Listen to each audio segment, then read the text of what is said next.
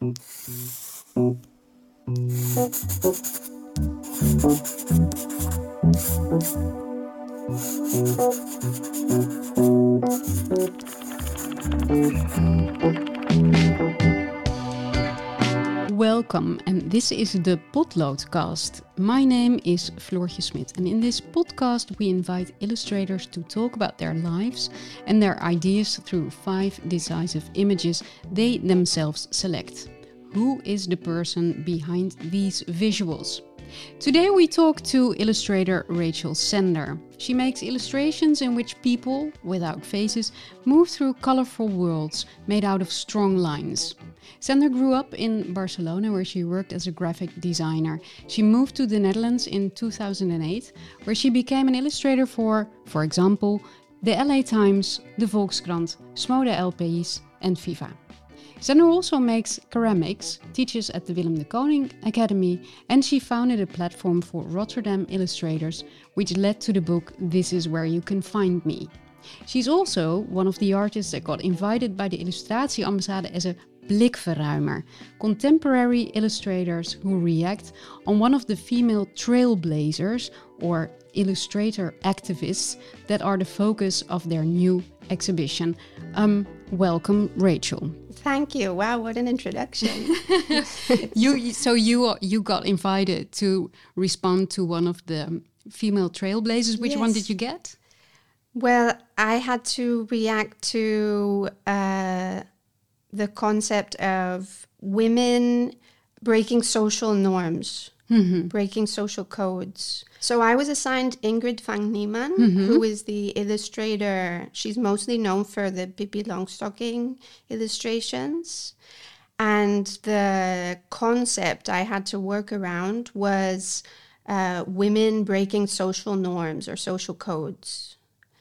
And then what happens in your head? How do you? So yeah, because I w- we were as illustrators, we were given the freedom to connect to the illustrator we were assigned or not. We could it could be like vaguely connected or not. And so um, yeah, looking at her work, I felt a connection to the behavior of Pippi Longstocking, which is definitely breaking these social codes, breaking these social norms and that's the the attitude that I wanted to work with in my illustration, but it's not necessarily connected to the illustrator's work. Um, so yeah, in my illustration, um, I I wanted to represent the social codes in this kind of restrictive way and I wanted to represent uh, a crowd of women in a way that also looked like very repetitive, but also, um, uh, you know, diverse. And then one of the women is uh, there's a grid, a very graphic grid of lines, of thick lines that, that that's like confining the women, and one of them is trying to bend out of that grid. Mm-hmm. Mm-hmm hopefully the metaphor is clear and I don't have to explain it. Um, but yeah, I, I always, or I tend to work with uh, more like graphic approaches, I think, because of my background as a graphic designer. Yeah. How do you connect to that breaking through codes? Is that something that you you like to do or? Well, I think as a wom- as a woman, it's essential. No, like we all, especially today when we're all really questioning it, it's really something in the air. I think we all, as women, especially, should feel the obligation to try and bend and set ourselves freer from certain codes. I mean, not all codes, because I think as a society we function well with codes and rules. But uh, there tends to be certain rules for women that I think, of course, we should all be trying to break free from. Mm-hmm. Do you do you think as a as a woman as a woman um, is it kind of breaking through codes as well to become an illustrator? Honestly, no. but when when did you decide to become an illustrator? Is that something that that grew over time? Did you already had this vision mm-hmm. for yourself as a child? Not really. As as a child, um, I had access to what it would be like to be a graphic designer because of my one of my dad's best friends was a graphic designer and that was the first kind of impression I got of like somebody making a living from working with image and um, and earning money from it. And I saw his studio, and that really planted the seed of like, oh, this could be something I could enjoy doing. And while I was studying graphic design, that's when I got my first illustration lesson. It was an elective. And then that was when I had the feeling like, mm, maybe this should have been something I should have been focusing on more. But I didn't really, um, as before doing that lesson, I didn't really consider it as as a potential profession for me. But through these lessons, I understood better what the profession was about. Uh, but then I finished my graphic design bachelor, and then mm. I I went on to working. But there was already this seed planted in my head that I wanted to at least combine both professions. Yeah. And eventually, it just like more I just searched more actively for illustration opportunities and and then there was this decision finally when I was already in the Netherlands that I just took away all my graphic design uh, projects from my portfolio and just really decided to focus on illustration, which was a bit of a scary step. Yeah. Yeah. But let's let's go into that a bit further in this mm -hmm. conversation. Let's let's uh, go to to your childhood. Mm -hmm. um, can you remember drawing? Was that something that you that you felt comfortable with, or um, yeah. was it your safe space, for example? Yes, definitely. I love to draw. I was obsessed with drawing rainbows. and then it was something that I always did as like extracurricular lessons, you know, like after school, like after kindergarten, there would, you know, the school would offer extra an extra hour of art lessons, you know, and then so uh, yeah, that was something I think my mom encouraged also, or or saw that I had an interest in, and and just allowed me to go there. Because what what did they do? What kind of I mean, environment did you grow up in? Oh, my parents don't have uh, jobs in the creative field, but my mum always has enjoyed drawing and painting, and but she's never had a job in it. Um, yeah, and on my dad's side, I think through his uh, a few of his friends are artists or designers, and he he does have like some understanding, some insight. But my parents aren't working in the creative field. So mm. it was a bit of a, you know, uh, they had to come around like to the idea when I decided to study graphic design, for example. But they did encourage it in general. Yeah. Why rainbows though? because I was five. Rainbows are pretty. so you had like you had your rainbow phase when you were five. I mean, I'm five still I'm still in my rainbow phase. I would say I love rainbows. Who doesn't love rainbows? I know, but it's it's so colorful, and all your illustrations are also so colorful. So yeah. um, there must be something with color. Yeah, I mean, yeah, for sure. And there was this song I knew of the colors of the rainbow. So, and they had to be in the right order, the colors. Um, but you know, it was just a kid thing. Yeah. we we ask you to to uh, choose an image from your childhood which influenced you as an artist. Also, uh, quite colorful um, because it is the the poster for the Olympics. Yeah. For Barcelona. Yeah, it's um it's a poster by this friend I mentioned before, this friend of my dad's who was a graphic designer. And there it's it's from a series of posters and they invited um, graphic designers and illustrators also to to design a poster around the topic of the Olympics of Barcelona in 1992. So this was uh, this poster that I chose, who is by Onésimo Colavidas, is a let's say, a, a reinterpretation of the Olympic rings. Um, and it's a funny coincidence that living in the Netherlands on a King's Day, somebody was selling a pile of these posters. They had the full series, or like, I don't know if it was the full series, but they had at least 20 of these posters of all the series of beautiful illustrations and stuff. And I found, and then I couldn't believe what I'd found, and I bought a bunch of them.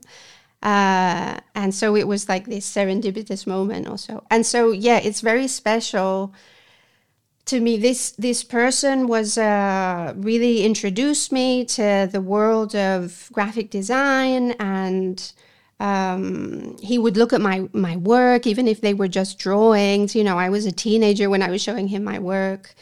But uh, what did he say, for example? What kind of tips about did he give? my work? Yeah. Well, it was. I think where I learned most was having a look in his studio and seeing his work and seeing that he was doing packaging design and poster design and working with typography. And he was also combining that with a, an illustrative approach because he was also a painter and so he would do these wonderful paintings and lith- lithographs or lithographs. I don't know how to pronounce it in English. um, uh, so he, he was uh, very good at, with color also. And uh, that was very inspiring to me to see that you could combine all these skills into, you know, your profession. Yeah. You also added the mascot of the Yeah. Olympics. Yeah, that's a really nostalgic uh, character for anybody that's grown up in Barcelona in the 90s. It's kind of a yellowish animal, kind of. He's supposed to be a dog. Oh, but he's a uh, dog. yeah, but uh, yeah, indeed, it's a little bit of an abstract, or it's like an interpretation of a dog. And Cobi, the Olympic mascot, was everywhere in Barcelona, and there was even a cartoon made of it, and all kids loved Cobi, and there was, you know, all the merch, the stickers, the dolls, and I think this also gave me some insight into okay, there's a person that made these drawings, Mariscal, that is very famous now, but he became really famous uh, through Cobi. He was already well known, but Cobi, the mascot, really brought him to like, you know, worldwide recognition at that time. And it was interesting to see also, like, oh, there's a person that's actually making a living from making these fun illustrations, you know, that were everywhere. It was almost like it was a real character. I know it's Yeah. been because I've been. I was thirteen at the Yeah. time. I still remember Yeah. this this figure. Yeah. And um, it's I believe the only Olympics that I really know about. Uh, the Barcelona Olympics Uh-huh. because of it. Yeah. Yeah. I think also Barcelona, it, it, they really embraced this identity of being like the city of design with the Olympics, you know? And, uh, you know, like this invitation with the poster project that I was talking about before, that was also like a, a sort of showcase of all the designers in Barcelona. And it was like this golden age for, for designers in Barcelona that was wonderful. Unfortunately, now it's, it's not that good for designers anymore. But um, yeah, so I, it kind of put Barcelona in the spotlight for a city of design that was, yeah. Then, Is it something that you would in, uh, aspire to, uh, to make something that is that memorable that people, like after thirty years, still talk about?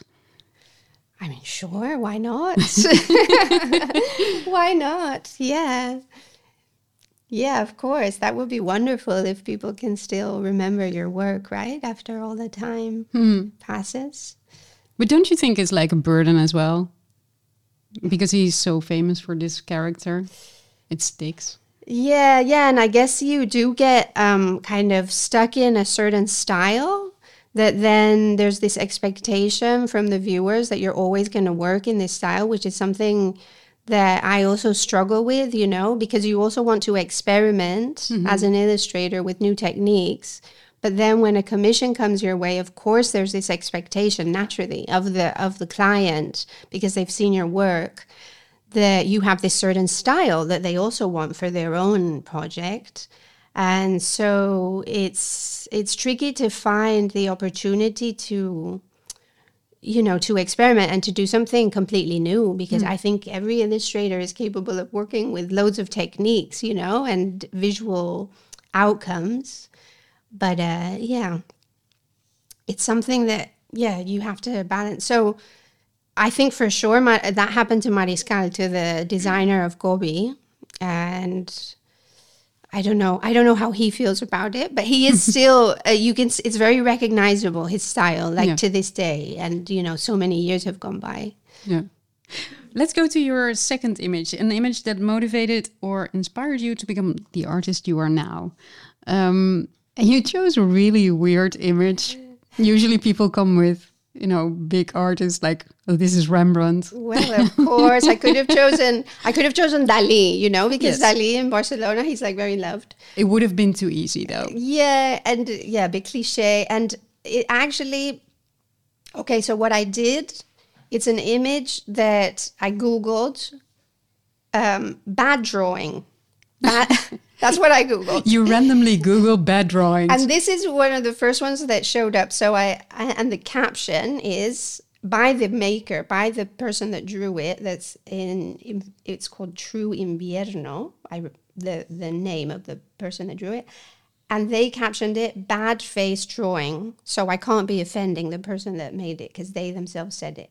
And the reason why I I chose this drawing is because um, you know this this um, elective I was mentioning before when I did illustration um, for the first time during my graphic design studies. My teacher, Philip Stanton, in the very first lesson, he made us, he asked us all to draw por- portraits of each other. And we were all, you know, from other, from different disciplines like graphic design, product design. We weren't all, you know, really good at drawing. And and he was like it, it doesn't matter. There's no right or wrong way of doing this. Just do it. And then when we were all done How did you feel about this we all felt really insecure because we were like i don't know how to make a portrait. It's really difficult to make a good portrait. And then when we were all done with the portraits he he made us put them all on the wall. And then he proceeded to give compliments to each and every one of the portraits, even if they were terrible or weird or looked absolutely nothing like the like the person. But he saw the beauty in the weirdness, in the ugly, in the kind of misshapen or people that hadn't drawn like the iris in the eye. It was fine. It looks weird. It looks like a zombie. It's fine, and uh, and that was liberating to me because that that was really when I realized like okay you don't have to be perfect at drawing to be an illustrator. There's so many other options. And that to this day is something I til- I still tell my students to like let go of this pressure of doing a perfectly shaded realistic drawing because that isn't a guarantee that it's going to communicate or connect with a viewer. You can do a really clumsy drawing and it might communicate in a really strong way with the with a with a viewer and this drawing i'm looking at that i chose it communicates with me it's saying something it's weird it's you know so it's not a bad drawing it's weird, but you can also see. I don't. I don't want to um, make it sound too beautiful, but you there is something uh, like an expression in it. right she's fed up of something I know. she's done Yes. and it's black and white. The eyes are absolutely too big for the face. The nose is too square. The hair is terrible. The, but still, it, it does communicate something. it works yeah i think it's a good drawing Yeah. is it? It also um, it asks the question: What is beautiful and what's not? Is there something? I mean, is there something really beautiful? Um, does it exist? Is it something that you can aspire to when you're drawing? Is it even possible? I mean, everything is beautiful, right? Yeah, or ugly, maybe. and It- nothing is it- ugly. Mm-hmm. it- it's yeah, define beautiful, and it's so culturally um, conditioned, and what you've grown up with, and uh, yeah, and uh, I think if it, having a good eye is also the the have, being capable of finding beauty in in the ugly also. I mean also what is ugly you know? What is it's a very broad um, word that for every single person means something slightly different Is it hard to um, get rid of that um, feeling that you want to have something that is beautiful? Well, I mean, in my work, I, I, I, do aim to make something that's appealing to the eye. Uh, there's other illustrators that I see whose work I love that I see their style is to do kind of gross characters or, you know, or just kind of, yeah, as we were saying before, the kind of clumsy proportions. And I think that's wonderful and also beautiful. There's nothing wrong with it, you know? So, uh, but in my work, um, I do aim for like a certain, uh, yeah, if you want cliche, uh, I appealing. not, not that my work is cliche, but uh, yeah, of course, I aim to do uh, eye uh, or like appealing to the eye Yeah. kind of result. Yeah. Well, what you do is um, you have these these straight lines, and you have these people walking through it. If something is off, because it's so more or less abstract in a way, uh, you spot it right away. So you you have to aim for some kind of perfection, right? But I think it's also nice to to bend the rules, you know, and like when you're talking about composition, like yesterday with my students, I was talking about composition in an image. But then once you know the rules, it's it's interesting to bend the rules and to do a composition that looks slightly off. And then it's a bit confusing for the viewer. And I think, yeah, that's also a really interesting path to follow. To aim for imperfection. But your work looks like like you like control, though. Yeah, yeah. I think I think it's because I, I definitely think it's because I, it's connected to my my past or my background as a graphic designer, and uh, you know, graphic design is like you have to be precise, and it, I was going more for like the clean graphic look, flat colors, and now I add more texture, but. Uh, uh, you know they're they're quite two dimensional my illustrations. There's not much depth in most most of them to them. Um, and i think that's very connected to my background as a graphic designer. Can you give me an example of a happy accident that you've got in one of your illustrations? um oh, an example. Yeah i just did uh, yeah it's a little bit off guard. You call you caught me a bit off guard but i don't know. I was doing the cover of a magazine of a medical magazine recently. And then it's all these people in different positions playing sports. It was it's a bit specific the topic about tendinitis right? And uh, and so it's people in all these different positions. And then I, I noticed that like the hands were looking a bit weird and it's difficult to draw hands. But then because they all had kind of strange looking hands, I thought, no, this kind of works. I'm just gonna let it be. And then I I got the printed, you know, final result, and then I, I still had to mm, like my eyes went straight to the hands, but then I thought, no, this is a conscious decision. But I still in my head was thinking, what are other illustrators gonna think when they see this? You know, they're all gonna think she she can't draw hands. But uh, yeah, so that was an example. Yeah, and it's, it's still go. it's re- really hard to um, to let go of it. It's again, it's somebody um, who played an important role for you, your teacher. Um, how important is it for an illustrator to meet these kind of people that help you along, that gives you advice, that brings you in a different direction? I think super important the position of teachers or mentors because I think as illustrators, because you're creating your own work from scratch, it's a very vulnerable position to be in. And uh, teachers have the power to to make you believe in your work, to support your ideas, to to you know to make you feel confident. I mean of course every person every individual sh- should have that confidence but a lot of people don't because of whatever reasons and teachers have that power in their hands to be like go for it and this is what you do really well. Um, i think that's essential. In my case it was super important to have those people like in my path. I don't mm-hmm. think I would have taken the same decisions without them. But it makes you, because you're a teacher mm-hmm. yourself as well, Yeah. it makes you like more of a, a positive teacher. You don't really say this is wrong or you have to do this better or I try not to. I mean, when I've been teaching now for eight years, and in the beginning, I wasn't trained as a teacher, honestly. So I really had to learn on the job. And in the beginning, I would let my, I thought uh, that my personal taste could be part of their feedback.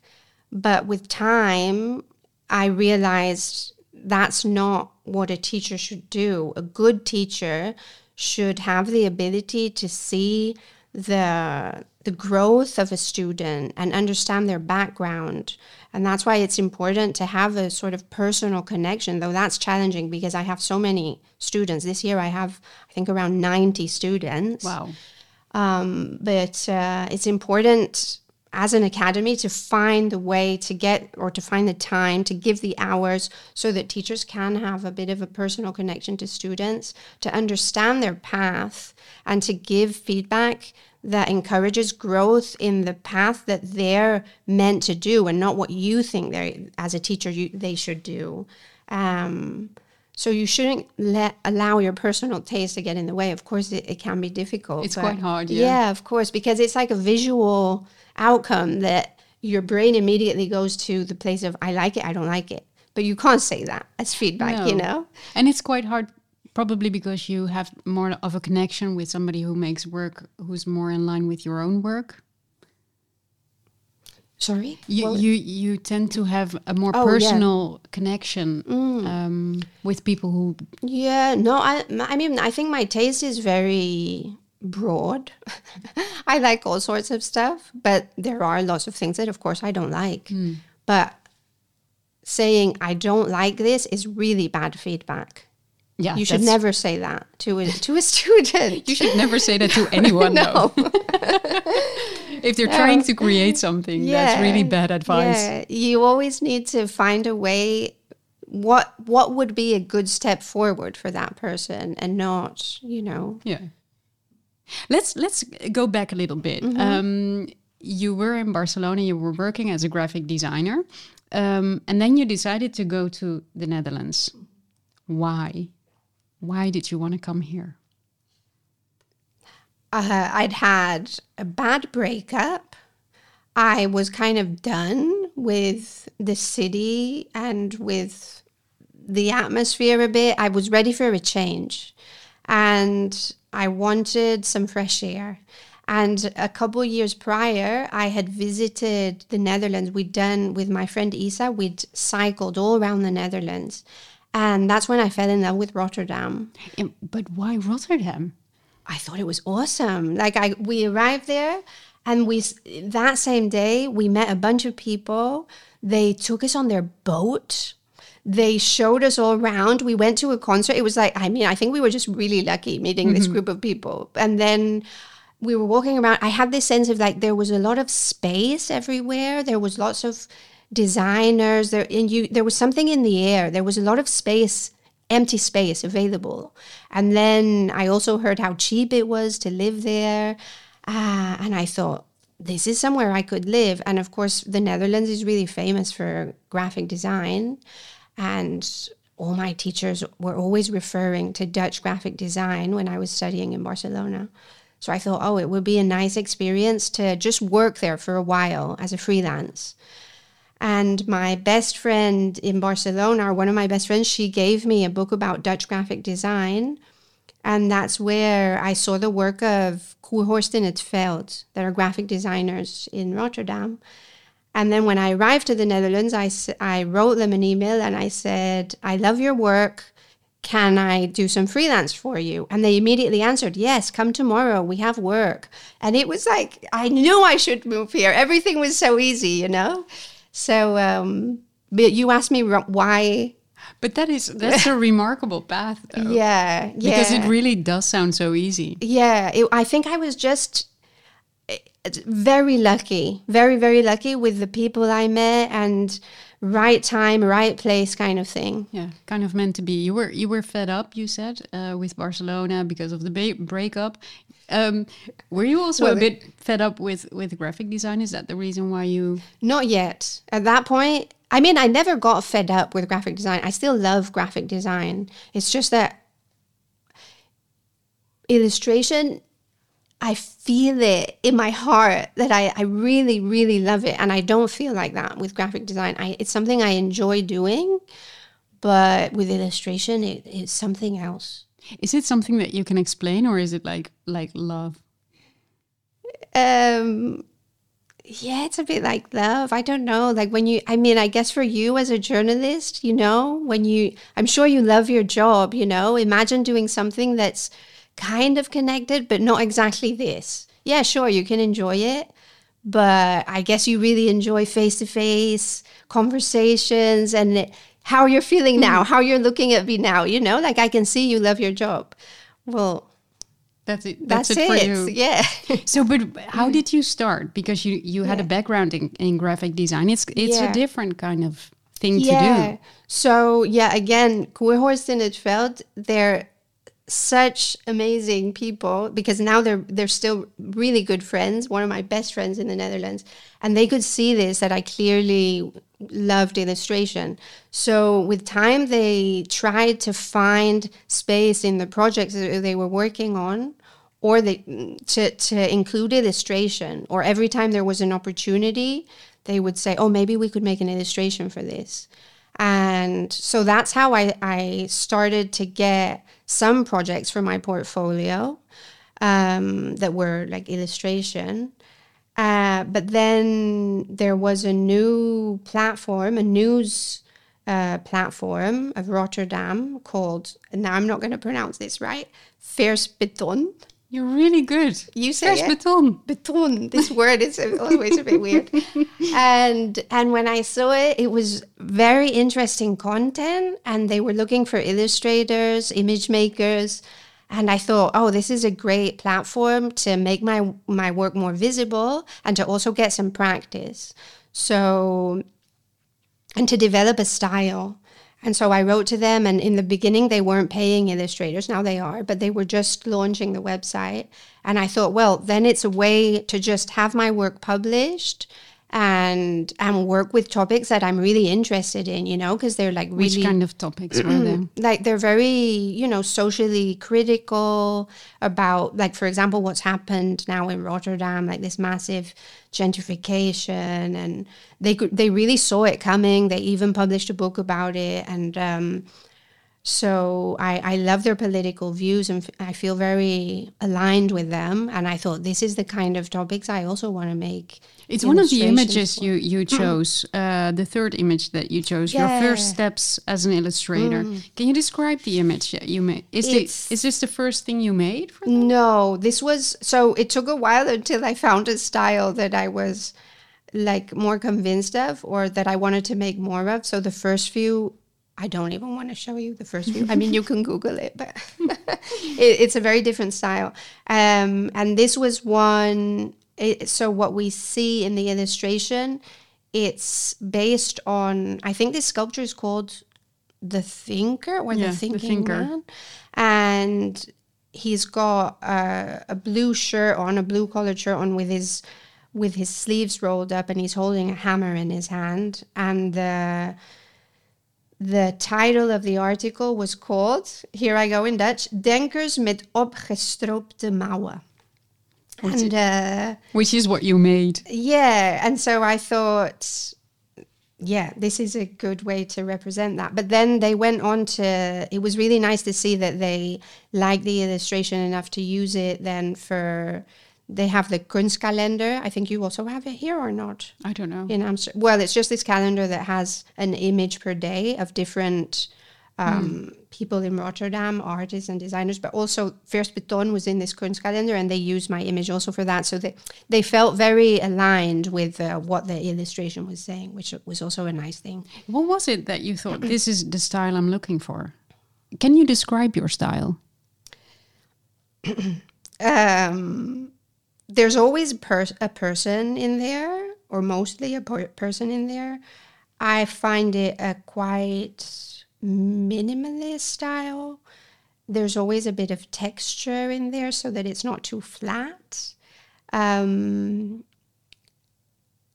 and I like that the viewer can look at an illustration and kind of get it immediately, like a bit of a wink to the viewer.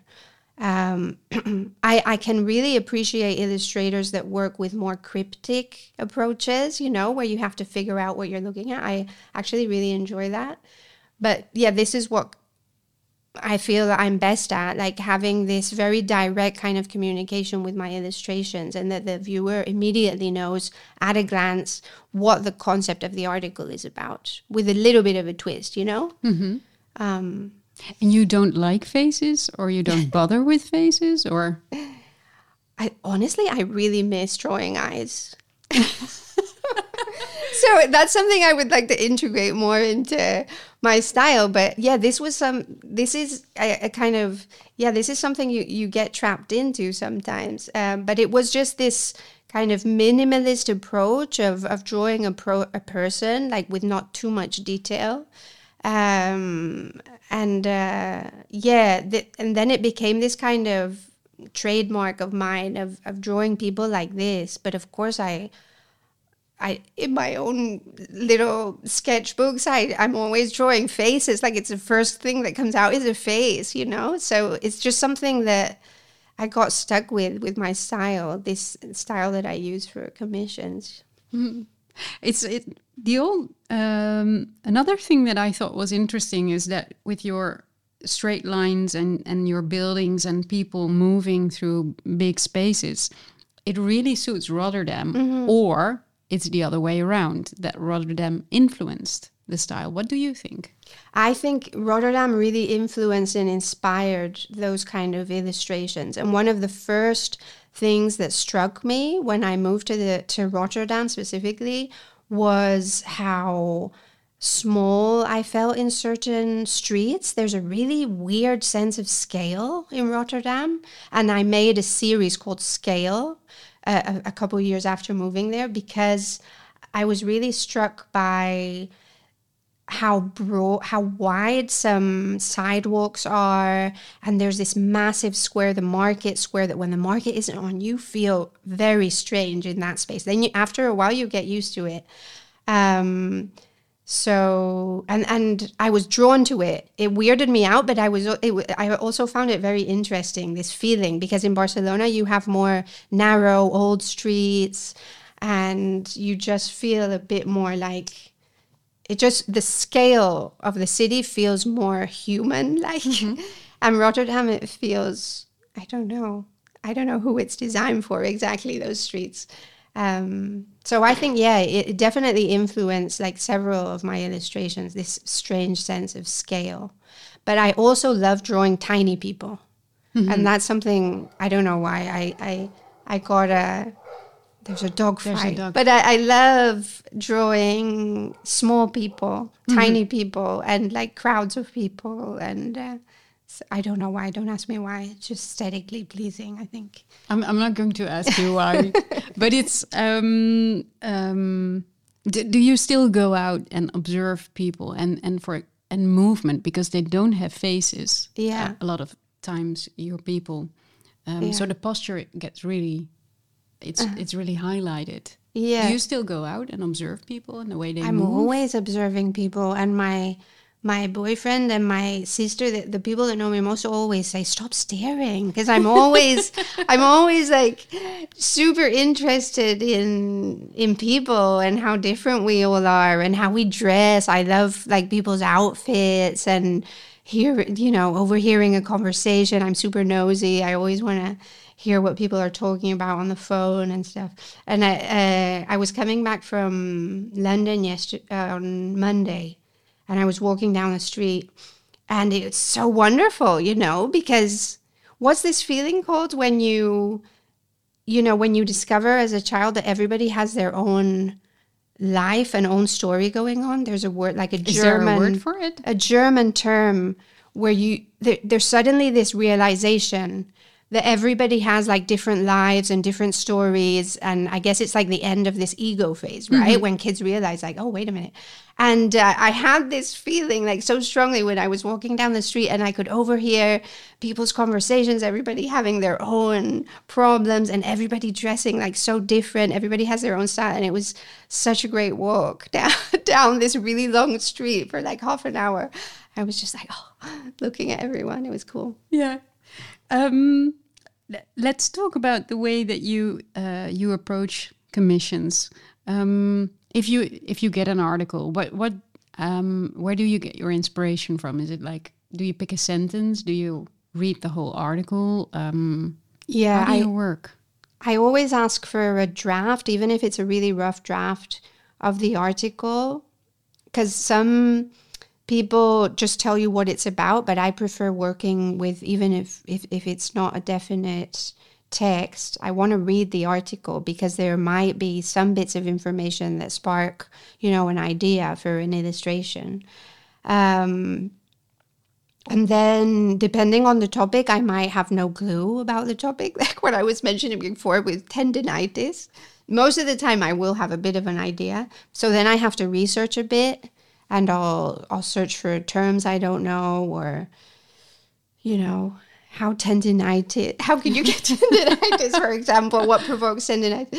Um, or just yeah um, certain terms maybe what do they mean? Or and then I'll always draw at least a couple of um, let's say concept sketches.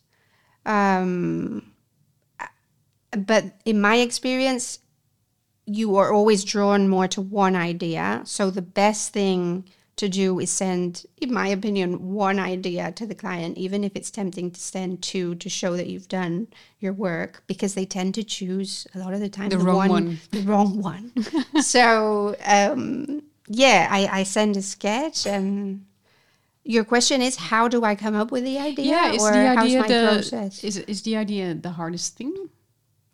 The the idea like coming up with the concept for me is the most stressful part of, of receiving a commission because uh, you never know if they're going to like it or not your idea. Uh, and once that's approved it's really chill. Then all you have to do is make a nice drawing you know or a nice illustration a nice image. Um, so yeah, coming up with a concept is always a little bit nerve wracking for me because I, I feel a little bit insecure of how the per- the other person, the client, is going to react. Once it's approved, I'm super chill and listen to a podcast and draw yeah. and yeah. You you we ask you also to um, to show us a self initiated initiated mm-hmm. um, drawing. It's um, can you tell me what it's what it is and, and where it's from? It's a zine.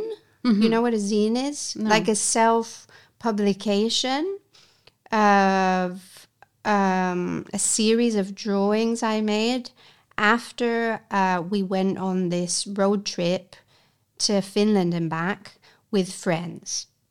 And the zine is titled The Island because my favorite and most magical part of the trip was when we went to an island in Finland that belonged to one of the friends we were the family of the friend we were traveling with. One of our friends was is uh, Finnish. Jonas, his name is. We traveled with our dear friends Jonas and Mareike. And this island is has been in his family and they what was the story? They swapped it for a piano they swapped the island for a piano? Yeah. Yeah. Really amazing story. And it's a tiny island. It's like as big as this living room. Mm-hmm. Uh, but they have a sauna in it. And it was like this very, and it was before I had a kid. So I, it's like this nostalgia of this time of uh, where we all felt so free and we were on this road trip and it was just wonderful. And we ended up on this island and we all got naked and we were in the sun and then we all jumped into the water and the water was fresh and oh, it was a really special trip and experience. To, Is that something that if if you experience something like that that you have to draw it? Is it like a diary or is it yeah, well, with this one, it came so strong, this feeling. Like I knew in my system, I could feel it in my body that I had to, I had to do it. I don't always get that. And I got home and it's like, I just have to do it. It wasn't an option to not do these illustrations. Also because there, was such beautiful textures and stones and the barks of the trees. Like everything felt like eye candy, you know? and also the emotions connected to it. It was just such a special few days that we were there. So yeah, I felt it really strongly in my body that I had to get it out. But it's also it's, it's really different from what you make. Do you think? Yeah, I don't know. I There's I, no color. It's black and white. Yeah, Um, there are no pe- people, just feet. yeah. Um, I you know I work digitally most of the time. Um, and this one is only done with you know A4 printing paper and a pencil. There's very limited uh, tools, and that was lovely also to just have this restriction. And uh, I do recognize my style though, to be honest. But maybe it's because I, I really know my style. but it is the same way of, of of drawing. I would say, like in my illustrations, you also see this kind of pencil texture filled in figures uh, with this pencil texture. Um, yeah. No, I mean it's it's it's also different because there's no there's a little bit straight, but the lines aren't really straight. Yeah, it's because it's, all it's hand, nature. Yeah, and it's, and it's all hand drawn. It's not digital. So, yeah. You you um um you organize zine camp. Yeah, not anymore though. I did. Um, yeah, I did help organize with my friends Tim and Amy. We organized. I think we organized f- the first five editions of it, or I wasn't involved in the first one, but then I helped them with the last four or so. And um, that's a festival. Uh, to the the slogan of the festival is, I th- it was to ma- to make friends and zines or something like that. So it's a lot about making during a whole weekend. And yeah, as I mentioned before, zines are just like self publications that you can use to spread any kind of message. So they, you know, the roots of them are mostly political messages. But of course, with illustrators they're, and graphic designers, they're really popular because, you know, they, you can also put your work in there. Um, and that was a wonderful event that we organized for several years. But zines sound like they're individual. That you make them individual. But what you what you did is connect people, get people together who make them. Yeah, and we had these big working tables. Everything was free. Everything was for free. So we got some funding. And so we could provide all the materials, the glue, the papers. We had a photocopying machines that this company lent us. So everybody was photocopying and reproducing their zines and sharing them out. And it's such a lovely event. It's still happening. I don't know when the next one is, but if you you Google Zine Camp, a worm in Rotterdam, they're still doing it. And uh, it's a lovely opportunity to to meet other people, to learn also, because every zine is about a different topic. And it's not only image makers that are making the zines, it's also, you know, I met a chef, another person that was a philosopher, you know, like, uh, so you, it's a very nice way to share knowledge also. We also asked you to um, get an editorial image, um, and you chose one which is quite different from Yeah. your other work. Yeah. because It's yeah. darker. Can you can you describe it for me? Yeah, so it's a drawing with a black background that has a subtle texture, and there's a blue rock that a tiny person is standing on with a huge, oversized poppy, a flower, a poppy, and the person is taking a photo of of a blooming poppy. Um, and the background is black and the rest of the illustration is quite bright colors. Mm-hmm. And this was i chose this image because it's connected to what i was mentioning before. I felt like doing something like as an illustrator, you get stuck in this box of having to you know do the similar style a lot of the time. And i wanted to try something new. And this illustration was done for this danish platform called five media uh, now they're called imagine five sorry they changed their name um, and they deal a lot with topics of the environment and climate change so also very aligned with the kind of illustrations i want to do and ideas i I want to represent, and um, and the art director who is Mar- Marta Julia Johansen. Um, she's really cool because she's just really open to whatever you want to try out. And she's also a designer herself, so she knows, she understands how illustrators feel. But that's the the hardest thing, I think. Uh, if you're making something in commission, they watch your previous work and say, yeah. "We want something like that." I know. Make and it she, again. I know, and she did say, "Oh, it's so different to what you do," but then she loved she loved them, and she gave me this space. So I think this is an example of of a dream client when they have this expectation and they're they're capable of letting go of it and you know just appreciating your your experiment and if they like it then yeah accepting it and loving it, you know. And then they used it also for not only online but for this publication they did, and so it was well received. And um, I would like to experiment more. Yeah, how scary is that to experiment, especially when it's commissioned? Yeah, I feel like it's it's um, kind of impossible with a commission unless you have a really cool client or art director you're working with, like Marta in this case. But um, I think it really depends on the client. And in this case, it was somebody that really understand that is a graphic designer herself. So, and she's an art director. Like, you know, dealing with art directors, we speak the same language. If the commission comes from somebody that isn't an image maker themselves, then yeah, it's more of a struggle. But I think uh, all illustrators really should ha- make time, though, yeah, it is difficult, but make time to do more autonomous projects where you have this space to experiment. And then that opens a door for possible commissions to come that have seen that autonomous project and then they want something in that style. But for me personally, the struggle is finding the time to do those autonomous projects. Because it does take time yeah and you don't know how it will work out. Yeah and it doesn't always make money you know mm. so yeah. The interesting thing is that when when we've discussed all these images is that um, the images you chose are usually connected to people. Um, so you get your inspiration more from people i think than from the visuals that you chose.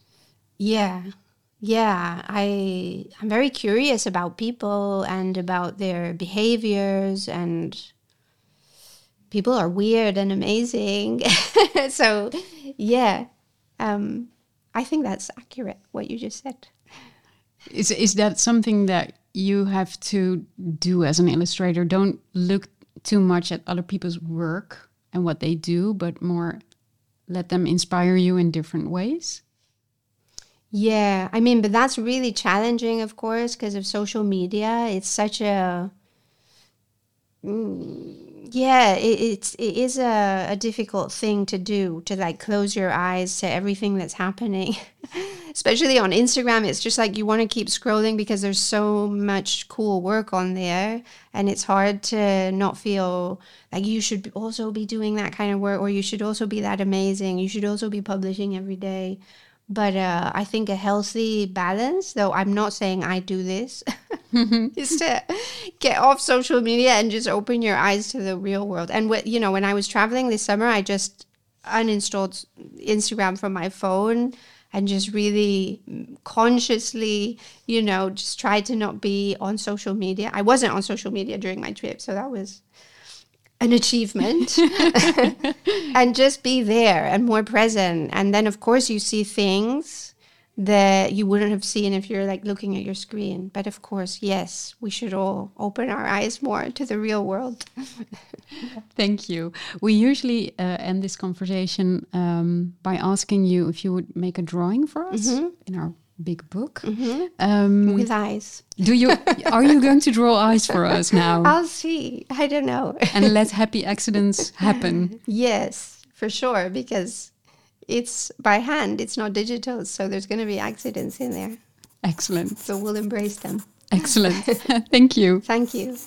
At the side of the Illustratie Ambassade, you can see all the images we spoke about, including the illustration that Rachel left in our big Potloodcast book.